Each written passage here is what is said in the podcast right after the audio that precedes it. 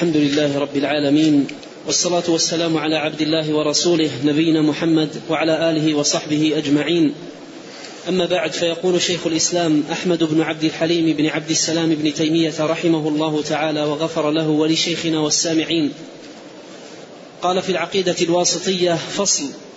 ومن الإيمان باليوم الآخر الإيمان بكل ما أخبر به النبي صلى الله عليه وسلم مما يكون بعد الموت.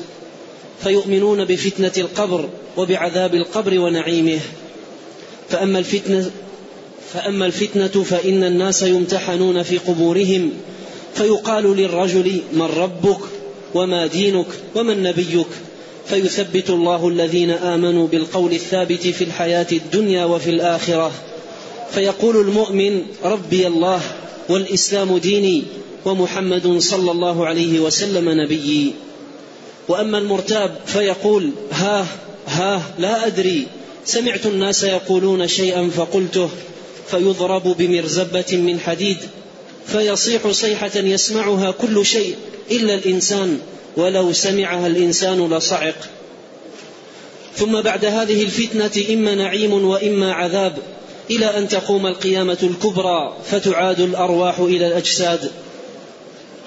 وتقوم القيامة التي أخبر الله بها في كتابه وعلى لسان رسوله وأجمع عليها المسلمون فيقوم الناس من قبورهم لرب العالمين حفاة عراة غرلا وتدنو منهم الشمس ويلجمهم العرق فتنصب الموازين فتوزن بها أعمال العباد فمن ثقلت موازينه فأولئك هم المفلحون. ومن خفت موازينه فأولئك الذين خسروا أنفسهم في جهنم خالدون. وتنشر الدواوين وهي صحائف الأعمال فآخذ كتابه بيمينه وآخذ كتابه بشماله أو من وراء ظهره كما قال سبحانه وتعالى وكل إنسان ألزمناه طائره في عنقه ونخرج له يوم القيامة كتابا يلقاه منشورا. اقرأ كتابك كفى بنفسك اليوم عليك حسيبا. ويحاسب الله الخلائق ويخلو بعبده المؤمن فيقرره بذنوبه كما وصف ذلك في الكتاب والسنة. وأما الكفار فلا يحاسبون محاسبة من توزن حسناته وسيئاته فإنه لا حسنات له فإنه لا حسنات لهم. ولكن تعد أعمالهم فتحصى فيوقفون عليها ويقررون بها ويجزون بها.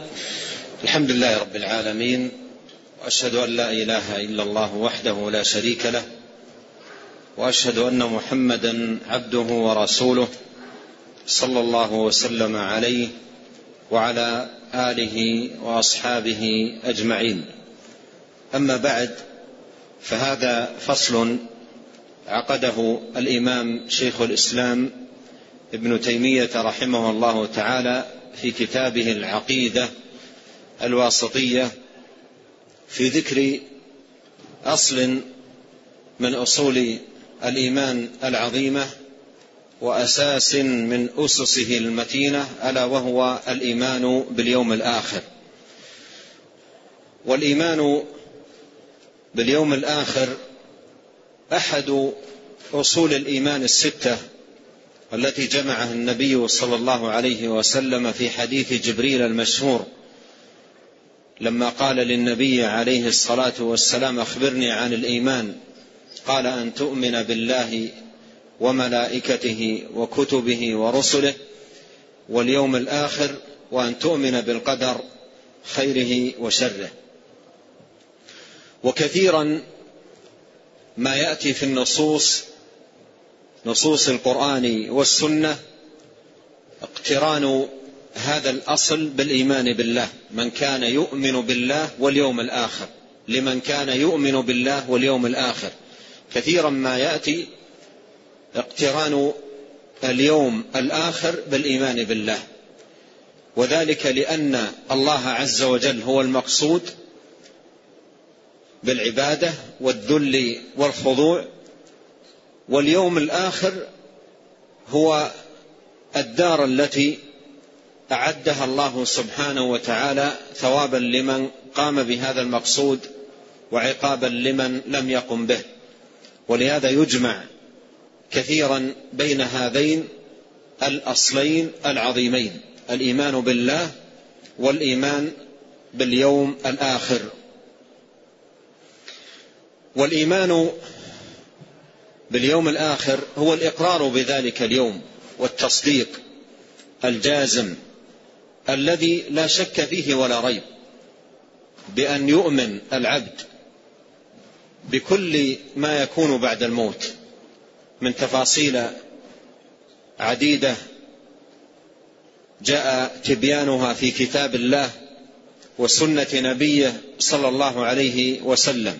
فالإيمان بكل ذلكم من الإيمان باليوم الآخر. وسمي باليوم الآخر لتأخره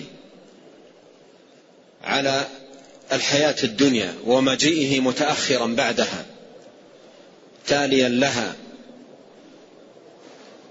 وله أسماء كثيرة جاءت في كتاب الله عز وجل وسنة نبيه عليه الصلاة والسلام. وهي أسماء وأوصاف.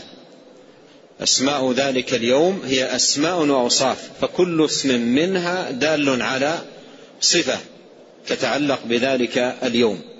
يوم البعث يوم الحشر يوم الجزاء يوم الدين يوم التغابن.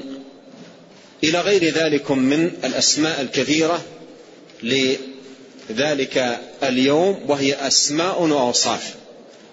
أسماء باعتبار دلالتها على ذلك اليوم وأوصاف باعتبار دلالتها على أمور أو أوصاف معينة أو أحوال معينة تكون في ذلك اليوم العظيم. وإيمان الناس باليوم الآخر وإيمان وإيمان المسلمين باليوم الآخر على درجتين. الدرجة الأولى درجة الإيمان الجازم وهذا الحد هو الحد الذي ليس وراءه إلا الكفر.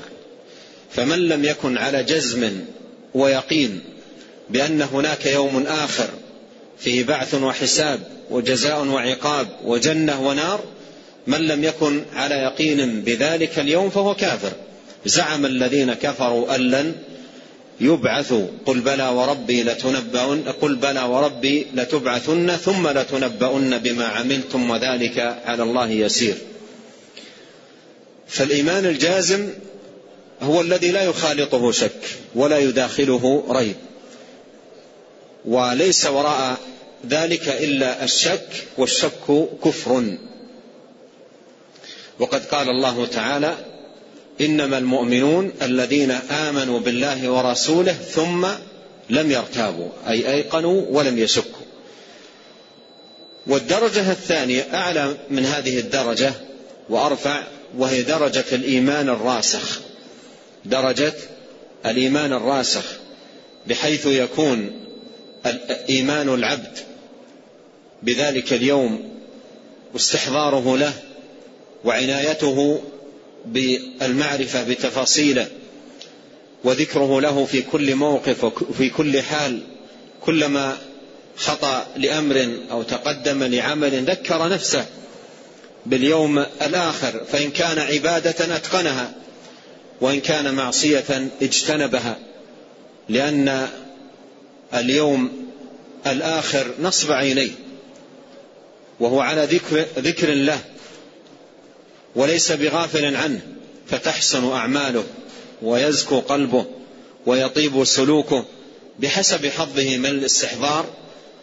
لذلك اليوم العظيم فالإيمان الراسخ درجة أعلى وأرفع بحيث يكون الإيمان به راسخا في القلب متمكنا من النفس حاضرا لدى العبد يذكر نفسه به في كل مقام يحرص على عدم الغفلة عنه.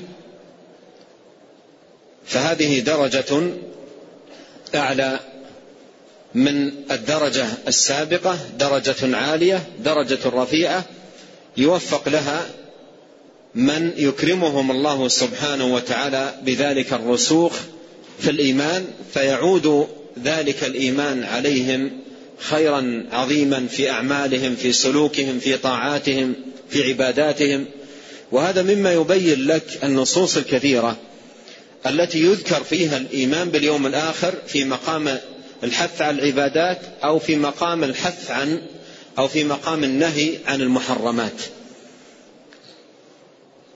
فإن هذه النصوص فيها دعوة إلى ترسيخ الإيمان باليوم الآخر في القلب وتقوية مكانته بالنفس وذكره في كل مقام وفي كل حال سواء كان اقبالا على طاعة وعبادة أو وجود ميل لنفس الإنسان إلى شيء من المعاصي فيردع نفسه بتذكر ذلك اليوم ومحاسبة النفس في هذه الدار قبل أن يحاسب في دار القرار. قال عمر بن الخطاب رضي الله عنه حاسبوا أنفسكم قبل أن تحاسبوا وزنوها قبل أن توزنوا. قال شيخ الإسلام رحمه الله تعالى ومن الإيمان باليوم الآخر الإيمان بكل ما أخبر به النبي صلى الله عليه وسلم مما يكون بعد الموت. هذا يمكن أو يصلح أن يكون ضابطا جامعا لحد اليوم الإيمان باليوم الآخر أو تعريف اليوم الإيمان باليوم الآخر. مثل لو قيل ما, ما الإيمان باليوم الآخر؟ ما الإيمان باليوم الآخر؟ يقال في الجواب على ذلك الإيمان باليوم الآخر هو الإيمان بكل ما يكون بعد الموت. هذا حد جامع بكل ما يكون بعد الموت. يعني مما جاء في الكتاب والسنة ذكره. فكل ما يكون بعد الموت فهو معدود في الإيمان باليوم الآخر. بدءا من ما يكون في القبر من فتنة آه، أو عذاب أو نعيم. فهذا كله من الإيمان باليوم الآخر. لأن كما جاء في الحديث عن النبي عليه الصلاة والسلام أن القبر أول منازل الآخرة. القبر أول منازل الآخرة. فتبدأ قيامة الإنسان بموته وبمفارقته لهذه الحياة تكون بذلك بدأت قيامته. ولهذا نلاحظ أن شيخ الإسلام ابن تيمية رحمه الله فيما سيأتي قال إلى أن تقوم القيامة الكبرى. إلى أن تقوم القيامة الكبرى. لماذا؟ لأن هناك قيامة صغرى وهي موت كل إنسان. من مات قامت قيامته من مات قامت قيامته وبدأت الدار الآخرة في حقه. ودخل في دار الحساب ولهذا ترى في بعض الأحاديث قال ليس بينه وبين الجنة إلا أن يموت. ليس بينه وبين الجنة إلا أن يموت. ليس بينه وبين النار إلا أن يموت. يأتي هذا المعنى في أحاديث. من قال لا إله إلا الله خالصا من قلبه دخل الجنه من لقي الله وهو يدعو من دون الله ندا دخل النار. فبمجرد أن تفارق الروح الجسد يبدأ اليوم الآخر. وهذه تسمى القيامة الصغرى. في حق كل إنسان بمجرد ما تخرج روحه من من جسده يكون اليوم الآخر في حقه بدأ. فاليوم الآخر هو الإيمان الإيمان باليوم الآخر الإيمان بكل ما يكون بعد الموت. بكل ما يكون بعد الموت. فكل ما يكون بعد الموت من تفاصيل وأحوال وأمور جاء تبيانها في القرآن وسنة النبي عليه الصلاة والسلام فهو داخل في اليوم الآخر. قول شيخ الإسلام ابن تيمية رحمه الله الإيمان بكل ما أخبر به النبي صلى الله عليه وسلم مما يكون بعد الموت. هذا إجمال. إجمال لليوم الآخر وحقيقته وحقيقة الإيمان به ثم فصل ذلك. ثم فصل ذلك رحمه الله تفصيلا مختصرا يتناسب مع حجم هذا الكتاب المختصر. قال فيؤمنون بفتنة القبر. وبعذاب القبر ونعيمه. فهذه أمور ثلاثة هي داخلة في الإيمان باليوم الآخر. لأن عرفنا أن الإيمان باليوم الآخر يتناول كل ما يكون بعد الموت. وفي بعض مصنفات أهل العلم التي تتعلق باليوم الآخر ربما أوردوا أيضا أشراط الساعة. ربما أوردوا أشراط الساعة في جملة ما يذكر في الإيمان باليوم الآخر باعتبار أن أشراط الساعة مقدمات لها لذلك اليوم. مقدمات لذلك آه، اليوم. قال رحمه الله فيؤمنون بفتنة القبر. فتنة القبر. الفتنة المراد بها الامتحان والاختبار. فالناس يفتنون في قبورهم. يفتنون في قبورهم أي يمتحنون. وفي ذلك الامتحان يثبت الله سبحانه وتعالى أهل الإيمان بالقول الثابت ويضل الله الظالمين ويفعل الله جل وعلا ما يشاء. وهذا الافتتان الذي يكون في القبور يتولى القيام به ملكان. وكل الله سبحانه وتعالى لهما ذلك. يقال لهما الفتانان. يقال لهما الفتانان. وأحدهما يقال له المنكر والآخر النكير كما جاء في الترمذي والمسند للإمام أحمد وغيرهما. ياتيه ملكان يقال أسودان أزرقان يقال لأحدهما المنكر ويقال للآخر النكير. ويقال لهما المنكر والنكير من نكارة لأنهما يأتيان على صورة فظيعة ومهيلة وغير معهودة. منكر يأتي على صورة غير معهودة اطلاقا ما مرت على الإنسان ولم يسبق له أن عاينها أو شاهدها أو رأى مثلها. فيأتيه ملكان فيجلسانه. نعم يجلسانه في ذلك القبر الضيق التي أدرج فيها نائما على جنبه يجلسانه في ذلك المكان. وربنا جل وعلا على كل شيء قدير. ثم يقولان له من ربك؟ ما دينك؟ من نبيك؟ وأسئلة هذا هذه الفتنة وهذا الامتحان محددة مسبقا ومعلنة مسبقا. ثلاث أسئلة. أسئلة ذلك الامتحان معلنة مسبقا. ولا يستطيع أن يجيب على هذه السؤالات الثلاثة إلا من يثبته الله. لا يستطيع أن يجيب على هذه السؤالات الثلاثة إلا من يثبته الله بالقول الثابت. فيجيب بثبات قلب ورباطة جأش فيقول ربي الله ودين الإسلام ونبي محمد صلى الله عليه وسلم يقول ذلك بتثبيت الله جل شأنه له. فيثبت الله الذين آمنوا في هذه الفتنة العظيمة وفي تلك الحال العصيبة التي يأتي فيها هذان الملكان فيجيب المؤمن بالجواب المسدد. ويضل الله الظالمين. جزاء وفاق. لما أعرضوا عن دين الله وعن توحيده وعن طاعته أضلهم الله سبحانه وتعالى. فيقول قائلهم ها ها لا أدري كما سينقل ذلك ويذكره شيخ الإسلام ابن تيمية رحمه الله تعالى. ولقد كان الإمام شيخ الإسلام محمد بن عبد الوهاب رحمه الله تعالى وأعلى في الجنة درجته ناصحا للأمة عظيم النصح. في كتابه المبارك الأصول الثلاثة. فحقيقة هذا الرجل ألهمه الله وأكرمه ووفقه ويسر له تأليف هذا الكتاب المبارك.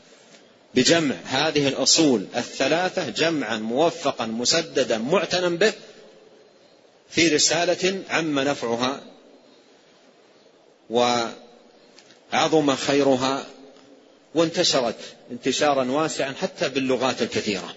وذلك من فضل الله على ذلك الإمام والفضل بيد الله يؤتيه من يشاء والله ذو الفضل العظيم. فكتب تلك الرسالة العظيمة نصحا للأمة. توعية بهذه الأصول الثلاثة التي بمجرد ما يدخل الإنسان القبر يسأل عنها. مجرد ما يدخل الإنسان القبر يسأل عنها. عادة الناس فيما يهتمون به يقدرون من يقدم لهم التسهيلات. أرأيتم في امتحان الدنيا عندما يكون عند الناس امتحان في أمر صعب أو في مسائل دقيقة ثم ينتدب شخص ويكتب لهم مذكرات. تبسط العلم وتهون الاختبار وتكون المسألة سهلة. تجدهم يشكرون هذا الجميل. مع أن في أمور دنيوية في أمور دنيوية يشكرون هذا الجميل ولا ينسون هذا المعروف. فكيف بهذا الجميل العظيم؟ والإحسان المبارك الذي لا يجحده ولا ينكره إلا من في قلبه غل ومرض. نعوذ بالله من الغل. وإلا هذا فضل ساقه الله للأمة أمة الإسلام على يد هذا الإمام المبارك رحمه الله وغفر له وأعلى في الجنة درجته. كتاب الأصول الثلاثة. ثم من نصحه رحمه الله أخذ يكتب هذا الكتاب بعدة أساليب. أسلوب موسع بالأدلة الكثيرة ومزيد البسط لطلبة العلم وأسلوب للصغار وأسلوب للعوام. حتى الرسالة التي كتبها للعوام في بيان الأصول الثلاثة كتبها رحمه الله باللهجة العامية. باللهجة العامية. كتبها هكذا إذا قيل لك وش ربك قل ربي الله. إذا قيل وش ربك أي من ربك؟ كل ذلك فعله رحمه الله نصحا. في هذا الأمر العظيم المبارك في هذه السؤالات الثلاث. وقد قال عليه الصلاة والسلام ذاق طعم الإيمان من رضي بالله ربا وبالإسلام دينا وبمحمد صلى الله عليه وسلم رسولا. وجاء العناية بذكر هذه الأصول الثلاثة عند سماع الأذان في كل مرة. إذا قال أشهد أن لا إله إلا الله وأن محمدا رسول الله يقول مسلم وأنا أشهد أن لا إله إلا الله وأن محمدا عبده ورسوله رضيت بالله ربا وبالإسلام دينا وبمحمد صلى الله عليه وسلم رسولا وهذا الذكر لهذه الأصول هو تقوية للإيمان بها وتقوية لمساحتها في القلب.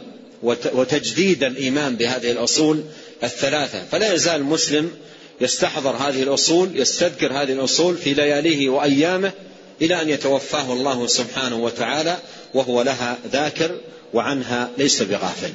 وهذه من نعمة الله سبحانه وتعالى على عبده المؤمن. قال فأما قال فيؤمنون بفتنة القبر. فيؤمنون بفتنة القبر أي ما يكون في القبر من فتنة أي اختبار وامتحان. وبعذاب القبر ونعيمه. وبعذاب القبر ونعيمه أي وبما يكون في القبر من عذاب وبما يكون في القبر من نعيم. والقبر على صاحبه إما روضة من رياض الجنة أو حفرة من حفر النيران. إما أن يكون صاحب القبر منعما في قبره أو يكون في قبره معذبا. والتعذيب في القبر دل عليه القرآن. دل عليه القرآن. قال الله سبحانه وتعالى عن آل فرعون النار يعرضون عليها غدوا وعشيا. هذا متى؟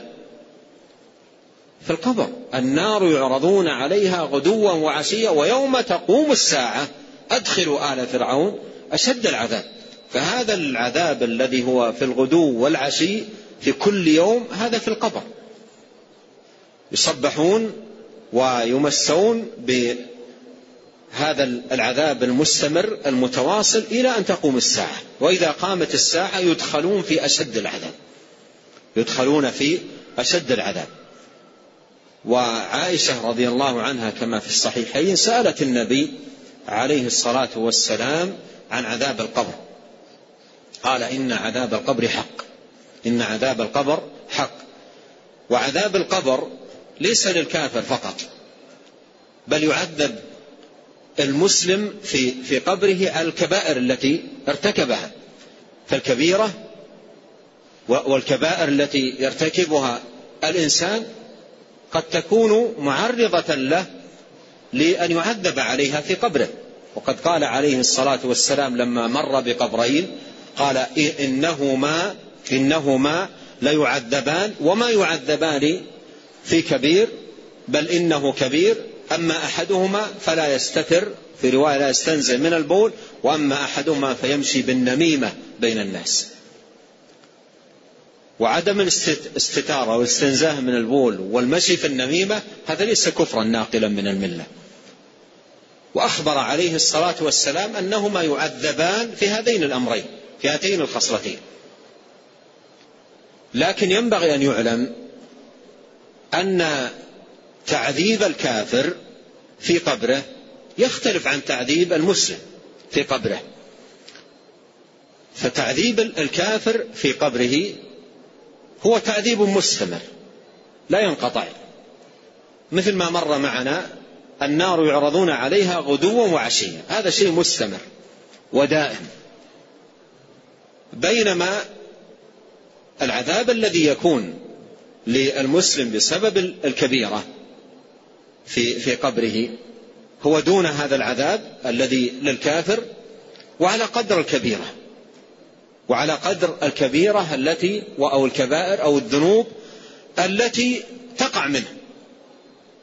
ثم أيضا هناك أمور آه، قد يهيئها الله سبحانه وتعالى له وييسرها له فتدرى عنه مثل دعاء أهله له واستغفارهم استغفارهم له وصدقتهم عنه ونحو ذلك هذا ينفع الميت في قبره ينفع الميت في قبره. ولهذا ينبغي على المسلم أن يكون ناصحا لأقربائه. إذا كان له والد ميت أو والدة أو خالة أو عمة أو أخ أو غير ذلك يدعو لهم. يدعو لهم. يستغفر لهم. أو ولد صالح يدعو له. إذا مات ابن آدم انقطع عمله إلا من ثلاث وذكر منها أو ولد صالح يدعو له. فهذا الدعاء والاستغفار والترحم هذا ينفع الميت. ينفع الميت ويفيده في قبره ويدرى عنه بإذن الله لأنه شفاعة. هذا الدعاء شفاعة له. عند الله سبحانه وتعالى أن يتجاوز عنه أن يغفر له أن يرحمه. قال وبعذاب القبر ونعيمه. أي ما يكون في القبر من نعيم لأهل الإيمان. ما يكون في قال رحمه الله تعالى فيؤمنون بفتنة القبر وبعذاب القبر ونعيمه أي ما يكون في القبر من نعيم لأهل الإيمان. قال رحمه قال رحمه الله فأما الفتنة فإن الناس يفتنون في قبورهم. هذا توضيح لما سبق وشرح وبيان. قال فأما الفتنة فإن الناس يفتنون في قبورهم. كيف تكون هذه الفتنة؟ ما صفتها؟ قال يقال للرجل يقال للرجل قوله للرجل لا مفهوم لها هذه الكلمة لكن باعتبار أن الخطاب في الغالب للرجال وإلا فإن الأمر للرجال والنساء للذكور والإناث على حد سواء. يقال للرجل من ربك وما دينك ومن نبيك. فهذه ثلاث سؤالات كما عرفنا آه، يسأل كل ميت كل من أدرج في قبره يسأل عن هذه السؤالات الثلاثة من ربك وما دينك ومن نبيك. والصحيح أن هذه الأسئلة توجه للمسلم والكافر والمنافق الكل يسأل هذه السؤالات الثلاث. ويثبت الله عز وجل أهل الإيمان. قال من ربك وما دينك ومن نبيك. من ربك وما دينك ومن نبيك. بالمناسبة الذي من الإخوان ما سبق أنه قرأ الأصول الثلاثة لمحمد عبد الوهاب أنصحه لوجه الله أن ينصح نفسه بقراءة هذه الأصول وأن يستفيد منها وأن يأخذها لأولاده وأبنائه وبناته وأقاربه وجيرانه وليدع جانبا كلام المغرضين وأضاليل المبطلين ممن يفسدون في الأرض ولا يصلحون.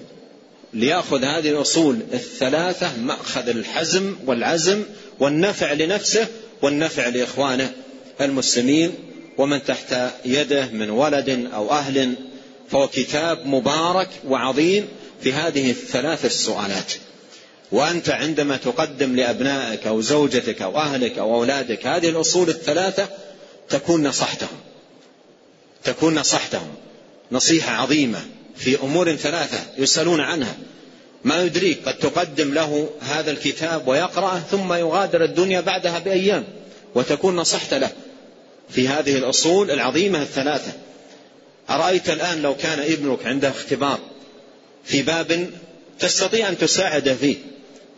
في توفير كتاب أو تهيئة مذكرة أو جلب أستاذ يساعده في ذلك الامتحان لا تتردد. فلماذا نتردد في العناية بهذا الباب العظيم؟ فنصيحة لوجه الله هذه الأصول الثلاثة ينبغي أن نعتني بها قراءة وفهما ونقدمها للأهل والأولاد والأقارب والجيران حتى تسيع وتنتشر ويعم الخير في هذه الأصول العظيمة الثلاثة المباركة التي يسأل عنها كل من أدرج في قبره. يقال من ربك وما دينك ومن نبيك. قال فيثبت الله الذين آمنوا بالقول الثابت في الحياة الدنيا وفي الآخرة. وقد جاء في الحديث تفسير ذلك بأنه ما يكون من فتنة في القبر. ما يكون من فتنة في القبر. فهذا التثبيت لأهل الإيمان هو تثبيت اولا في هذه الحياة الدنيا على الإيمان والطاعة. وكان من أكثر دعاء نبينا عليه الصلاة والسلام يا مقلب القلوب ثبت قلبي على دينك. وفي القبر يثبته الله. فإذا سأله الملكان هذه السؤالات الثلاثة قال بكل ثبات بكل ثبات قلب ربي الله ودين الإسلام ونبي محمد صلى الله عليه وسلم. ويثبته الله سبحانه وتعالى على الصراط الذي ينصب على متن جهنم فلا تزل قدمه ولا يسقط بل يعبر بتثبيت الله سبحانه وتعالى له. قال فيثبت الله الذين آمنوا بالقول الثابت. والقول الثابت هو التوحيد. لا إله إلا الله وما تقتضيه من إسلام وإيمان وعبادة وإخلاص لله سبحانه وتعالى. بالقول الثابت في الحياة الدنيا وفي الآخرة. في الحياة الدنيا أي في هذه الحياة وأيضا ما يكون في بعد ذلك في القبر من تثبيت عند السؤال الملكين ثم ما يكون أيضا في الدار الآخرة من تثبيت لأهل الإيمان. قال فيقول المؤمن الله ربي والإسلام ديني ومحمد صلى الله عليه وسلم نبيي. هذه أجوبة هذه آه، السؤالات الثلاثة. وأنت ترى أنها أجوبة سهلة جدا لكن بدون التثبيت لا ينطق بها العبد لا ينطق بها الإنسان لا يتمكن من النطق بها إلا إذا ثبته الله سبحانه وتعالى وألهمه وسدده. قال فيقول المؤمن الله ربي والإسلام ديني ومحمد صلى الله عليه وسلم نبي وأما المرتاب وأما المرتاب فيقول ها ها؟ لا أدري. سمعت الناس يقولون شيئا فقلته. سمعت الناس يقولون شيئا فقلته. هذا الظالم المرتاب الذي يضله الله سبحانه وتعالى فلا يستطيع أن يقول هذا. هذه الكلمات الثلاث. يظله الله ويظل الله الظالمين ويفعل الله ما يشاء. قال فيضرب بمرزبة. يضرب بمرزبة. والمرزبة المطرقه الكبيرة يضرب بمرزبة من حديد. وإذا كانت مرزبة مطرقة وكبيرة ومن حديد فالضرب بها أشد ما يكون. الضرب بها أشد ما يكون فيضرب بمرزبة من حديد فيصيح صيحة. فيصيح صيحة أي من تلك الضربة التي ضربه بها الملك فيسمعها كل شيء. يسمعها كل شيء إلا الإنسان. وجاء في رواية إلا الثقلين يعني الإنس والجن. فيسمعها كل شيء إلا الإنسان أو إلا الثقلين الإنس والجن. ولو سمعها الإنسان لصعق لو, لو سمعها الإنسان لصعق يعني لمات لهلك في مكانه من هول ما يسمع وشدته.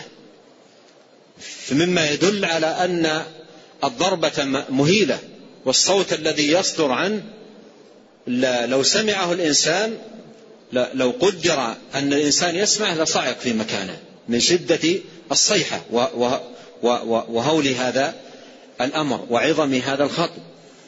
قال ولو سمعها الإنسان لصعق. ثم بعد هذه الفتنة ثم بعد هذه الفتنة إما نعيم أو عذاب. قوله بعد هذه الفتنة إما نعيم أو عذاب هذا عودة منه رحمه الله لشرح ما سبق. لأنه أولا بدأ بقوله يؤمنون بفتنة القبر وبعذاب القبر ونعيمه ثم شرح باختصار الفتنة كيف تكون ثم رجع آه، عاد يشرح بعذاب القبر ونعيمه فقال ثم بعد هذه الفتنة إما نعيم وإما عذاب.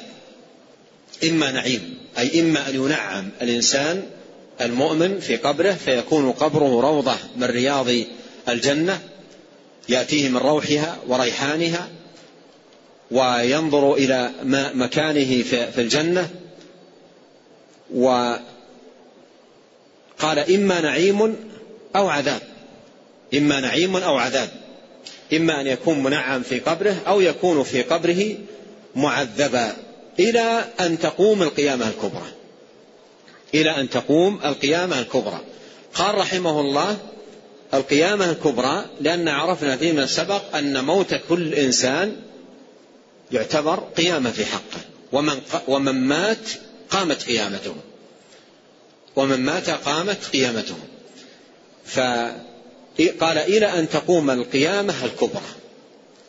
إلى أن تقوم القيامة الكبرى أي التي يقوم فيها الجميع لرب العالمين.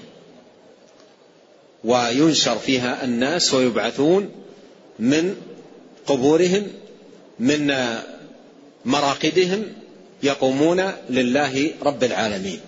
إلى أن تقوم القيامة الكبرى فتعاد الأرواح إلى الأجساد.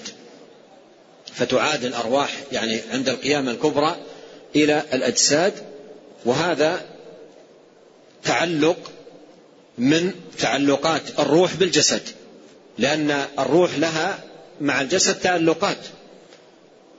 من بينها التعلق الذي يكون لها بالجسد في هذه الحياة الدنيا في هذه الحياة الدنيا. ثم إذا مات صار للروح تعلق بالجسد في القبر.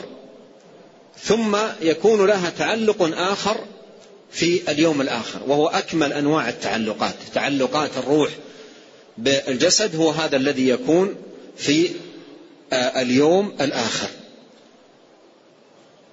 قال فتعاد الأرواح إلى الأجساد وتقوم القيامة التي أخبر الله بها في كتابه وعلى لسان رسوله صلى الله عليه وسلم وأجمع عليها المسلمون.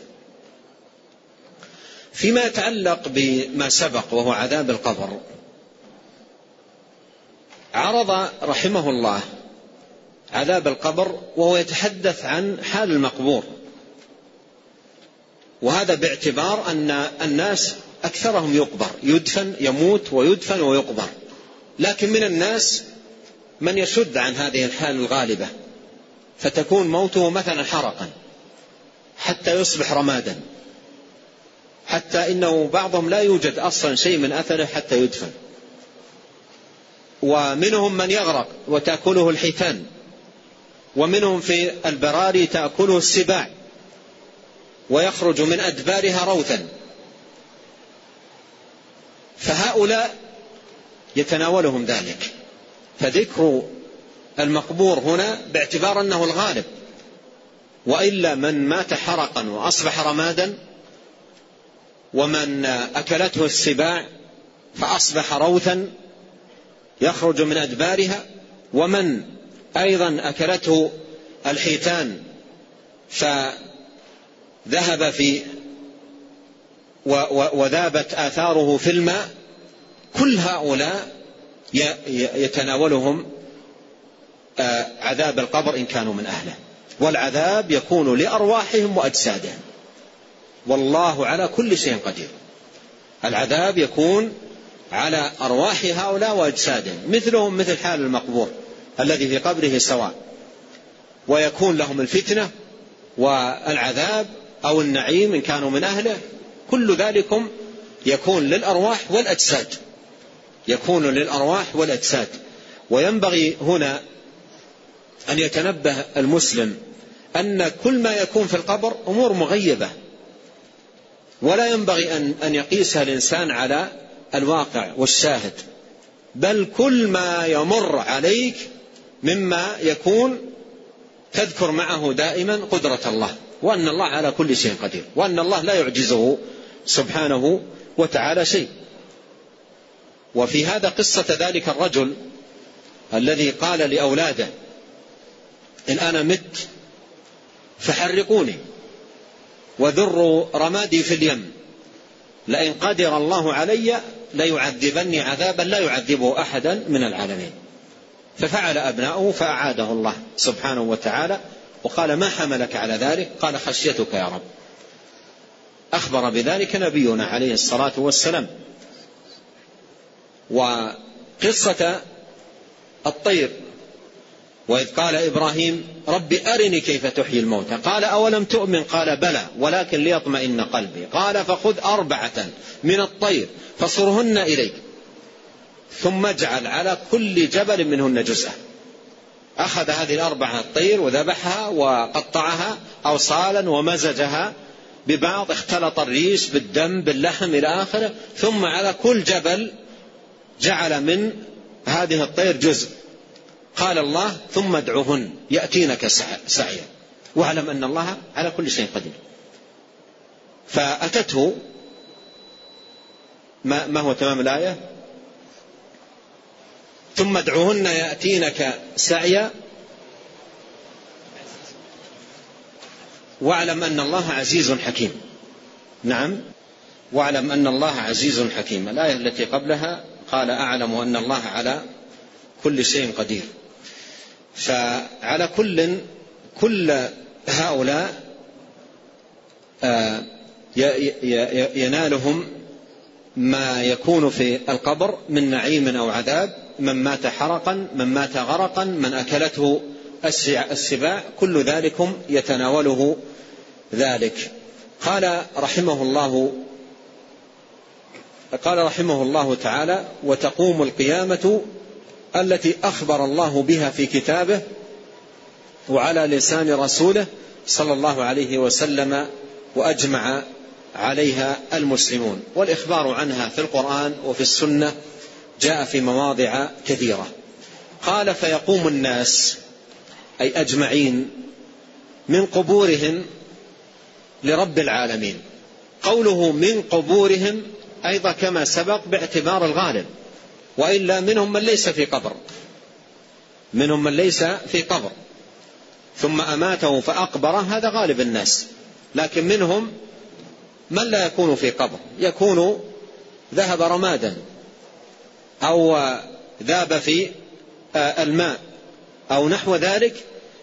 فهذا باعتبار الغالب قوله فيقوم الناس من قبورهم وغيرهم أيضا ممن احترق أو غرق أو غير ذلك كل هؤلاء يبعثهم رب العالمين حفاة عراة غرلا. حفاة أي غير منتعلين. عراة أي ليس عليهم ثياب. تستر عوراتهم. حتى إن عائشة رضي الله عنها لما سمعت هذا هالها الأمر. قالت يا رسول الله الرجال والنساء ينظر بعضهم إلى بعض؟ قال الأمر أعظم من ذلك. الأمر أعظم من ذلك. حفاة عراة غرلا. أي تكون الغلفة التي أزيلت من الإنسان عندما ختن في صغره تعود فيكون غير مختون. غرلا أي غير مختونين. فهذه الغرلة الصغيرة التي جزء من الإنسان وتقطع منه في صغره وترمى تعود. فيكونون في ذلك اليوم غرلا أي ليسوا مختونين حفاة عراة غرلة. وزاد في حديث عبد الله بن أنيس بهما. زاد في حديث عبد الله بن أنيس وهو حديث صحيح بهما. قالوا وما بهما يا رسول الله؟ يعني عرفوا الأمور الأخرى قالوا وما بهما يا رسول الله؟ قال أي ليس معهم من الدنيا شيء. أي ليس معهم من الدنيا شيء. من كان يملك في الدنيا مثل مال قارون يأتي يوم القيامة على هذه الحال. ليس معه من الدنيا شيء. بهما. قال وتدنو منهم الشمس. تدنو منهم الشمس. أي تدنو من الخلائق. ويكونون في أرض عفراء ممتدة لا ارتفاع فيها ولا انخفاض لا ظل فيها ولا شجر. وتدنو منهم الشمس في ذلك آه، اليوم. تدنو من الخلائق. ويلجمهم العرق. يلجمهم العرق. أي يغطيهم ويكونون في العرق متفاوتين. منهم من يلجمه العرق ومنهم من يكون إلى حقويه ومنهم من يكون إلى كعبيه يتفاوتون بحسب حالهم. وقسم منهم في ظل ظليل. يظلهم الله سبحانه وتعالى في ظله يوم لا ظل إلا ظله. اللهم اجعلنا منهم. يا, يا كريم. اللهم اجعلنا منهم يا كريم. اللهم اجعلنا منهم يا كريم. قال وتنصب الموازين فتوزن فيها أعمال العباد. تنصب الموازين كما قال الله تعالى ونضع الموازين القسط ليوم القيامة. تنصب الموازين وهي وهو ميزان حقيقي له كفتان كفة توضع فيها الحسنات وكفة توضع فيها السيئات. أعمال العبد الصالح في كفة وأعماله السيئة في كفة.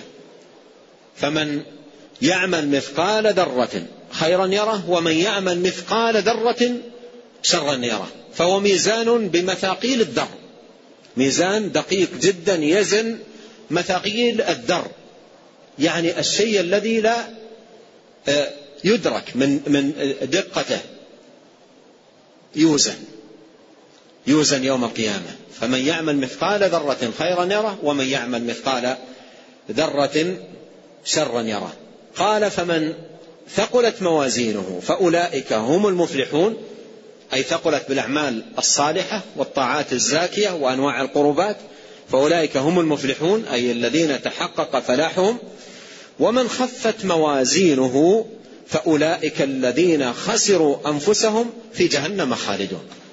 من خفت موازينه أي بسبب الأعمال السيئة.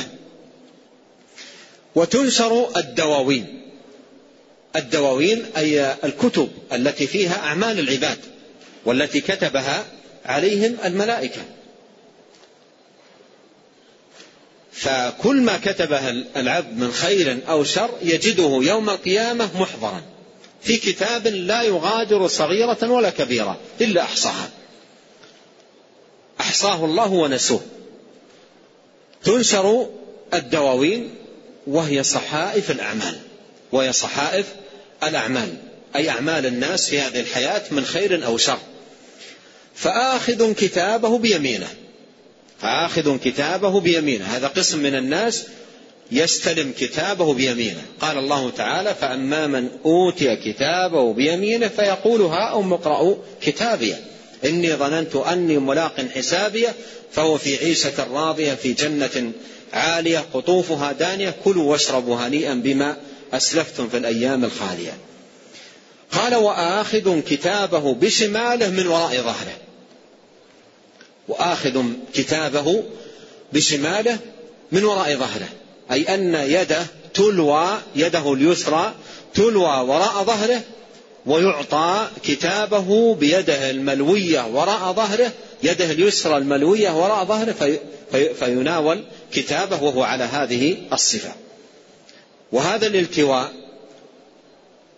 دليل أن سبب ذلك التواءه هو في عمله وانحرافه عن جادة الجادة السوية وصراط الله المستقيم. فيأخذ كتابه بهذه الصفة بشماله من وراء ظهره. وأما من أوتي كتابه بشماله فيقول يا ليتني لم أوت كتابيه ولم أدر ما حسابيه يا ليتها كانت القاضية ما أغنى عني ماليه هلك عني سلطانية. قال كما قال الله سبحانه وكل إنسان ألزمناه طائره في عنقه. هذا يوم القيامة يقول الله وكل إنسان ألزمناه طائره في عنقه. طائره أي ما طار عنه من عمل. صالح أو طالح؟ حسن أو سيء؟ ألزمناه طائرة أي ما طار منه من عمل ما وقع منه من أعمال ما فعله من أعمال. ألزمناه طائره في عنقه. تكون أعماله ملازمة له ملازمة القلادة للعنق. ملازمة القلادة للعنق. فألزمناه طائره في عنق. يعني تكون أعماله ملازمة له في عنقه مثل ملازمة القلادة للعنق. وكل إنسان ألزمناه طائره في عنقه ونخرج له يوم القيامة كتابا يلقاه منشورا اقرأ كتابك. اقرأ كتابك كفى بنفسك اليوم عليك حسيبا. أي كفى نفسك حسيبا على نفسك. بهذا الذي تقرأه مما أنت تعلم وتتيقن أنه عملك الذي قدمته يداك واقترفته وارتكبته في هذه الحياة. اقرأ كتابك كفى بنفسك اليوم عليك حسيبا. أي كفى حسيبا عليك نفسك. قال ويحاسب الله الخلائق. لأن ذلك هو يوم الحساب. وفي ذلك اليوم يقول الله كما جاء في حديث عبد الله بن أنيس يقول الله أنا الملك أنا الديان. أنا الملك أنا الديان. ومن أسماء ذلك اليوم يوم الدين أي يوم الجزاء والحساب. فيحاسب الله الخلائق. قال ويخلو بعبده المؤمن. وهذه كرامة يكرم الله سبحانه وتعالى بها عبده المؤمن. يخلو بعبده المؤمن فيقرره بذنوبه. يضع عليه ستره وكنفه ويقول له فعلت كذا فعلت كذا فعلت كذا. يقر العبد المؤمن بهذه الأفعال التي أكرمه الله سبحانه وتعالى بأن سترها عليه. في الدنيا ويسترها عليه سبحانه وتعالى في ذلك اليوم. يخلو بعبد المؤمن فيقرره بذنوبه كما وصف ذلك في الكتاب والسنة. فيقول الله له آه، أنا سترتها عليك في الدنيا وأغفرها لك آه، اليوم. قال وأما الكفار وأما الكفار فلا يحاسبون محاسبه محاسبة من توزن حسناته وسيئاته. من توزن حسناته وسيئاته. فإن فإنه لا حسنات لهم. فإنه لا حسنات لهم. لماذا؟ وقدمنا إلى ما عملوا من عمل فجعلناه هباء منثورا. لأن الأعمال مهما كثرت وعظمت إن لم تقم على التوحيد كانت هباء. لا يقبل الله العمل إلا إذا قام على التوحيد وعلى الإخلاص لله سبحانه وتعالى. أما إذا لم يكن قائما على التوحيد والإخلاص فإنه لا ينفع العامل وما منعهم أن تقبل منهم نفقاتهم إلا أنهم كفروا بالله وبرسوله. فالكفر مانع من قبول الأعمال. وإن كثرت وإن نفعت وإن تعددت الكفر مانع من قبولها. قال الله تعالى ولقد أوحي إليك وإلى الذين من قبلك لئن أشركت ليحبطن عملك ولتكونن من الخاسرين. وقال تعالى ومن يكفر بالإيمان فقد حبط عمله وهو في الآخرة من الخاسرين. فالكفر والشرك محبط للأعمال. إذا الكافر يوم القيامة لا حسنات له. لا حسنات له. لماذا؟ لأن إن كان عنده أعمال صالحة من نفقات أو صدقات فكلها تذهب هباء منثورا لأنه ليس عنده التوحيد الذي تقوم عليه الأعمال وتكون مقبولة به ولا تكون مقبولة إلا به. ولهذا قال الله سبحانه وتعالى فلا نقيم لهم يوم القيامة وزنا هذا حال الكفار. فلا نقيم لهم يوم القيامة وزنا قال فلا يحاسبون محاسبة من توزن حسناته وسيئاته فإنه لا حسنات لهم. فإنه لا حسنات لهم لأن آه، الحسنات التي عندهم أبطلها ماذا؟ الشرك والكفر. ومن يكفر بالله فقد حبط عمله. ولقد أوحي إليك والذين من قبلك لئن أشركت ليحبطن عملك. قال فإنه لا حسنات لهم. لماذا لا حسنات لهم؟ قد يكون عندهم أعمال نفقات صدقات أعمال بر متنوعات. لماذا؟ قال لا حسنات لهم لأن الكفر أبطلها وأفسدها. قال فإنه لا حسنات لهم. ولكن في بعض النسخ فإنه لا حساب لهم. قال فإنه لا حسنات لهم ولكن تعد أعمالهم تعد أعمالهم فتحصى فيوقفون عليها ويقررون بها ويجزون بها. فالذي يكون فيما يتعلق بهؤلاء أن أعمالهم التي قاموا بها تحصى فيوقفون عليها يوقف على أعماله ويطلع عليها ويقررون بها يقرون أنها هي أعمالهم وأنهم هم الذين قاموا بها ويجزون بها. ولهذا تكون حالهم في النار دركات. وهذه الدركات في النار بحسب تفاوتهم في الأعمال إضافة إلى حالهم في الكفر بالله سبحانه وتعالى. ثم استمر شيخ الإسلام رحمه الله في بيان ما يكون في ذلك اليوم من تفاصيل أخرى ذكر الحوض والصراط والجنة والنار وتفاصيل أخرى. نرجئ الحديث عنها إلى لقاء الغد بإذن الله سبحانه وتعالى. ونسأل الله الكريم رب العرش العظيم أن ينفعنا جميعا بما علمنا وأن يزيدنا علما وأن يصلح لنا جميعا ديننا الذي هو عصمة أمرنا. وأن يصلح لنا دنيانا التي فيها معاشنا وأن يصلح لنا آخرتنا التي فيها معادنا وأن يجعل الحياة زيادة لنا في كل خير والموت راحة لنا من كل شر. والله أعلم وصلى الله وسلم على عبده ورسوله نبينا محمد وآله وصحبه أجمعين. أحسن الله إليكم وبارك فيكم ونفعنا الله بما قلتم وغفر الله لنا ولكم وللمسلمين. يقول السائل هل كل من يموت لا بد أن يعذب استدلالا بحديث إن للقبر ضمة لو نجا منها أحد لنجا منها سعد؟ آه هذه الضمة التي تكون لأهل الإيمان هذه تكون مزيد تمحيص ورفعة درجات وعلو منازل ولا تكون لهم تعذيبا لأن أهل الإيمان الكمل لا يكون لهم تعذيب لا في قبورهم ولا في آه، حشرهم ولقاء ربهم. لكن هذه الشدائد هي من جنس الشدائد التي ينالها المؤمن فتكون سببا لرفعة درجاته وعلو منازله يوم يلقى الله سبحانه وتعالى. أحسن الله إليكم. يقول هل عذاب القبر خاص بهذه الأمة أم لجميع الأمم؟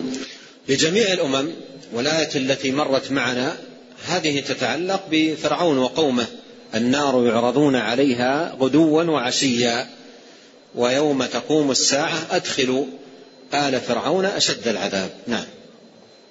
أحسن الله إليكم يقول هل الأنبياء يسألون في قبورهم؟ الله تعالى أعلم. هل يفهم؟ يقول أن المسلم إذا سلم من الكبائر يسلم من عذاب القبر وإن كان له ذنوب صغيرة. إذا سلم من الكبائر واعتنى بالفرائض فرائض الإسلام كان من المقتصدين. والمقتصدون والسابقون بالخيرات وهم أعلى منهم كلاهما يدخل الجنة بدون حساب ولا عذاب. كلاهما يدخل الجنة بدون حساب ولا عذاب. فمن أدى الفرض الذي افترضه الله سبحانه وتعالى عليه وتجنب الحرام دخل الجنة بدون حساب ولا عذاب. نعم. أحسن الله إليكم. يقول هل عذاب القبر ونعيمه حاصل حقيقة أم هو عذاب ونعيم معنوي؟ لا حقيقة. عذاب القبر ونعيمه حقيقة وهو على الروح والجسد معا. ليس على الروح وليس أمرا معنويا بل هو عذاب حقيقي وفي في حق الكافر وأيضا حق في حق المستحق من أهل الكبائر. والنعيم أيضا نعيم حقيقي يوسع له في قبره ويكون قبره روضة من رياض الجنة. نعم. أحسن الله إليكم. يقول هل يمكن القول بأن عذاب القبر مطهر من الكبائر؟ فإذا عذب في قبره لا يحاسب عليها في الآخرة. عذاب القبر في حق المسلم هو من الممحصات. هو من الممحصات.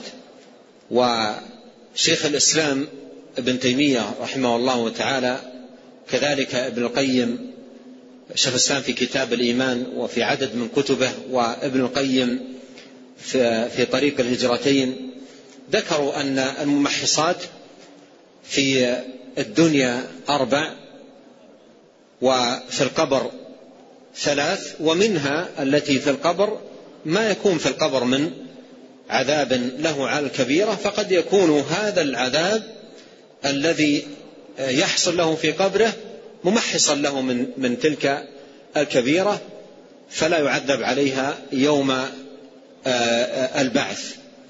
وقد لا تكون قد لا يكون في حقه هذا العذاب ممحصا فيكون التمحيص في الدار الآخرة. إما في أهوال يوم القيامة وشدائدها فتكون هي الممحصة أو يكون بدخوله النار مدة على قدر كبائره ثم يخرج منها. نعم. أحسن الله إليكم. يقول هل المرتاب يكون من الكفار أم أنه يدخل في ذلك عصاة المسلمين؟ المرتاب هو غير غير المؤمن. المرتاب هو غير المؤمن. فهذا الذي يقال يقول يقال عنه مرتاب من ليس بمؤمن. نعم. أحسن الله إليكم. يقول هناك تسجيل صوتي لأصوات ناس يعذبون. وسجل هذا الصوت من شركة حفر فهل هذا صحيح؟ كل هذا لا ينبغي الالتفات إليه. كل هذه الأشياء التي تخرج على الناس بين وقت وآخر لا يلتفت إليها. بل أكبر زاجر وأعظم واعظ في هذا الباب كتاب الله وسنة نبيه عليه الصلاة والسلام. فهذه آيات الله بينات محكمات وهذه أحاديث رسول الله صلى الله عليه وسلم واضحات أما ما يوضع من أصوات ولا يبعد أن كثير منها من صور أو أصوات تكون مفتعلة ومدبلجة ويوهم الناس أنها صورت أو مثلا سجلت لمعذبين في قبورهم وتكون كلها أمور مفتعلة بعض الناس قد يفعلها يعني متقصدا من باب تخويف الناس. قد يفعله متقصدا. وربما أيضا متقربا إلى الله بهذا العمل من باب تخويف الناس وتتويبهم. وكثير ما يحصل من أهل البدع والضلال يتوبون الناس بأشياء لا أصل لها مثل قديما الوضاعين الذين وضعوا أحاديث على الرسول صلى الله عليه وسلم في الفضائل. من قرأ سورة كذا فله كذا ويضع أعمال من عنده ويسوقها بالإسناد إلى النبي عليه الصلاة والسلام. قيل لأحدهم قال النبي صلى الله عليه وسلم من كذب علي متعمدا فليتبوأ مقعده من النار. قال أنا ما كذبت عليه أنا أكذب له. أنا ما كذبت عليه أنا أكذب له. فبعضهم قد يفعل مثل هذه الأعمال متقرب. يصور أو يسجل أصوات ويوهم الناس أنها أصوات المعذبين يقول خلي الناس تتوب. هذا كله كذب. والتتويب ما يكون بالبدع ولا بالمخترعات وإنما يكون بالآيات البينات وأحاديث رسول الله عليه الصلاة والسلام. أولم يكفهم أنا أنزلنا عليك الكتاب يتلى عليهم؟ في القرآن كفاية وفي السنة كفاية. والله يقول وذكر بالقرآن من يخاف وعيد ويقول إن في ذلك لذكرى لمن كان له قلب أو ألقى السمع وهو شهيد.